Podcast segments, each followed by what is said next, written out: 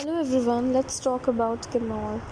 Kinnaur is dominated by one of the most ancient people of HP called the Kinnora, who once captivated the imagination of classical Sanskrit writers. Among many myths of their origin is one that says they were formed by the shadow of the god Brahma, and in Mahabharata they are credited with mythical qualities. They are brave, hardy, and independent, open, courteous, hospitable, honest, and sincere, such being the character of the people.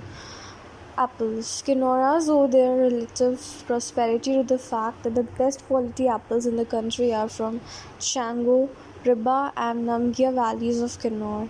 The main varieties of commercial importance grown here are Royal Delicious, Rich A red, Red Delicious, and Golden Delicious government have set up a chain of cold storages, packing houses and transshipment centers which has greatly contributed to the wealth of the apple farmers.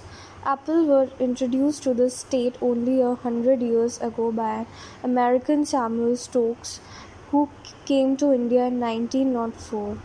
He acquired apple saplings from America in 1919 in order to plant his own orchard in the estate he had bought in Thanedar near Shimla.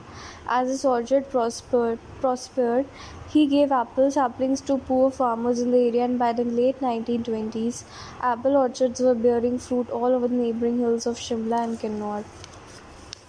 Buddhism came to Kinnaur in 1st century AD when the great Buddhist king Kanishk sent missions to the regions. The animistic Kinnora's interaction with Buddhist scholars and later exposure to Brahmanism resulted in the district's composite religious culture.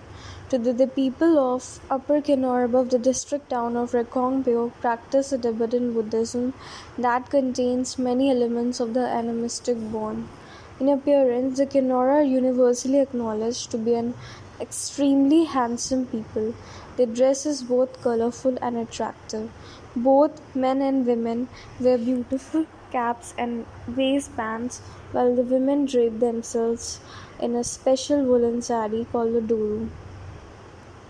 The assimilation of cultures here is fascinating. In Kinnaur, Buddhist lamas preside over Brahminical ceremonies in Hindu households, and Mount Kinner Kailash has become a pilgrimage site for followers of both faiths. Finally, a trait that runs through all these diverse communities is hospitality and good natured friendliness.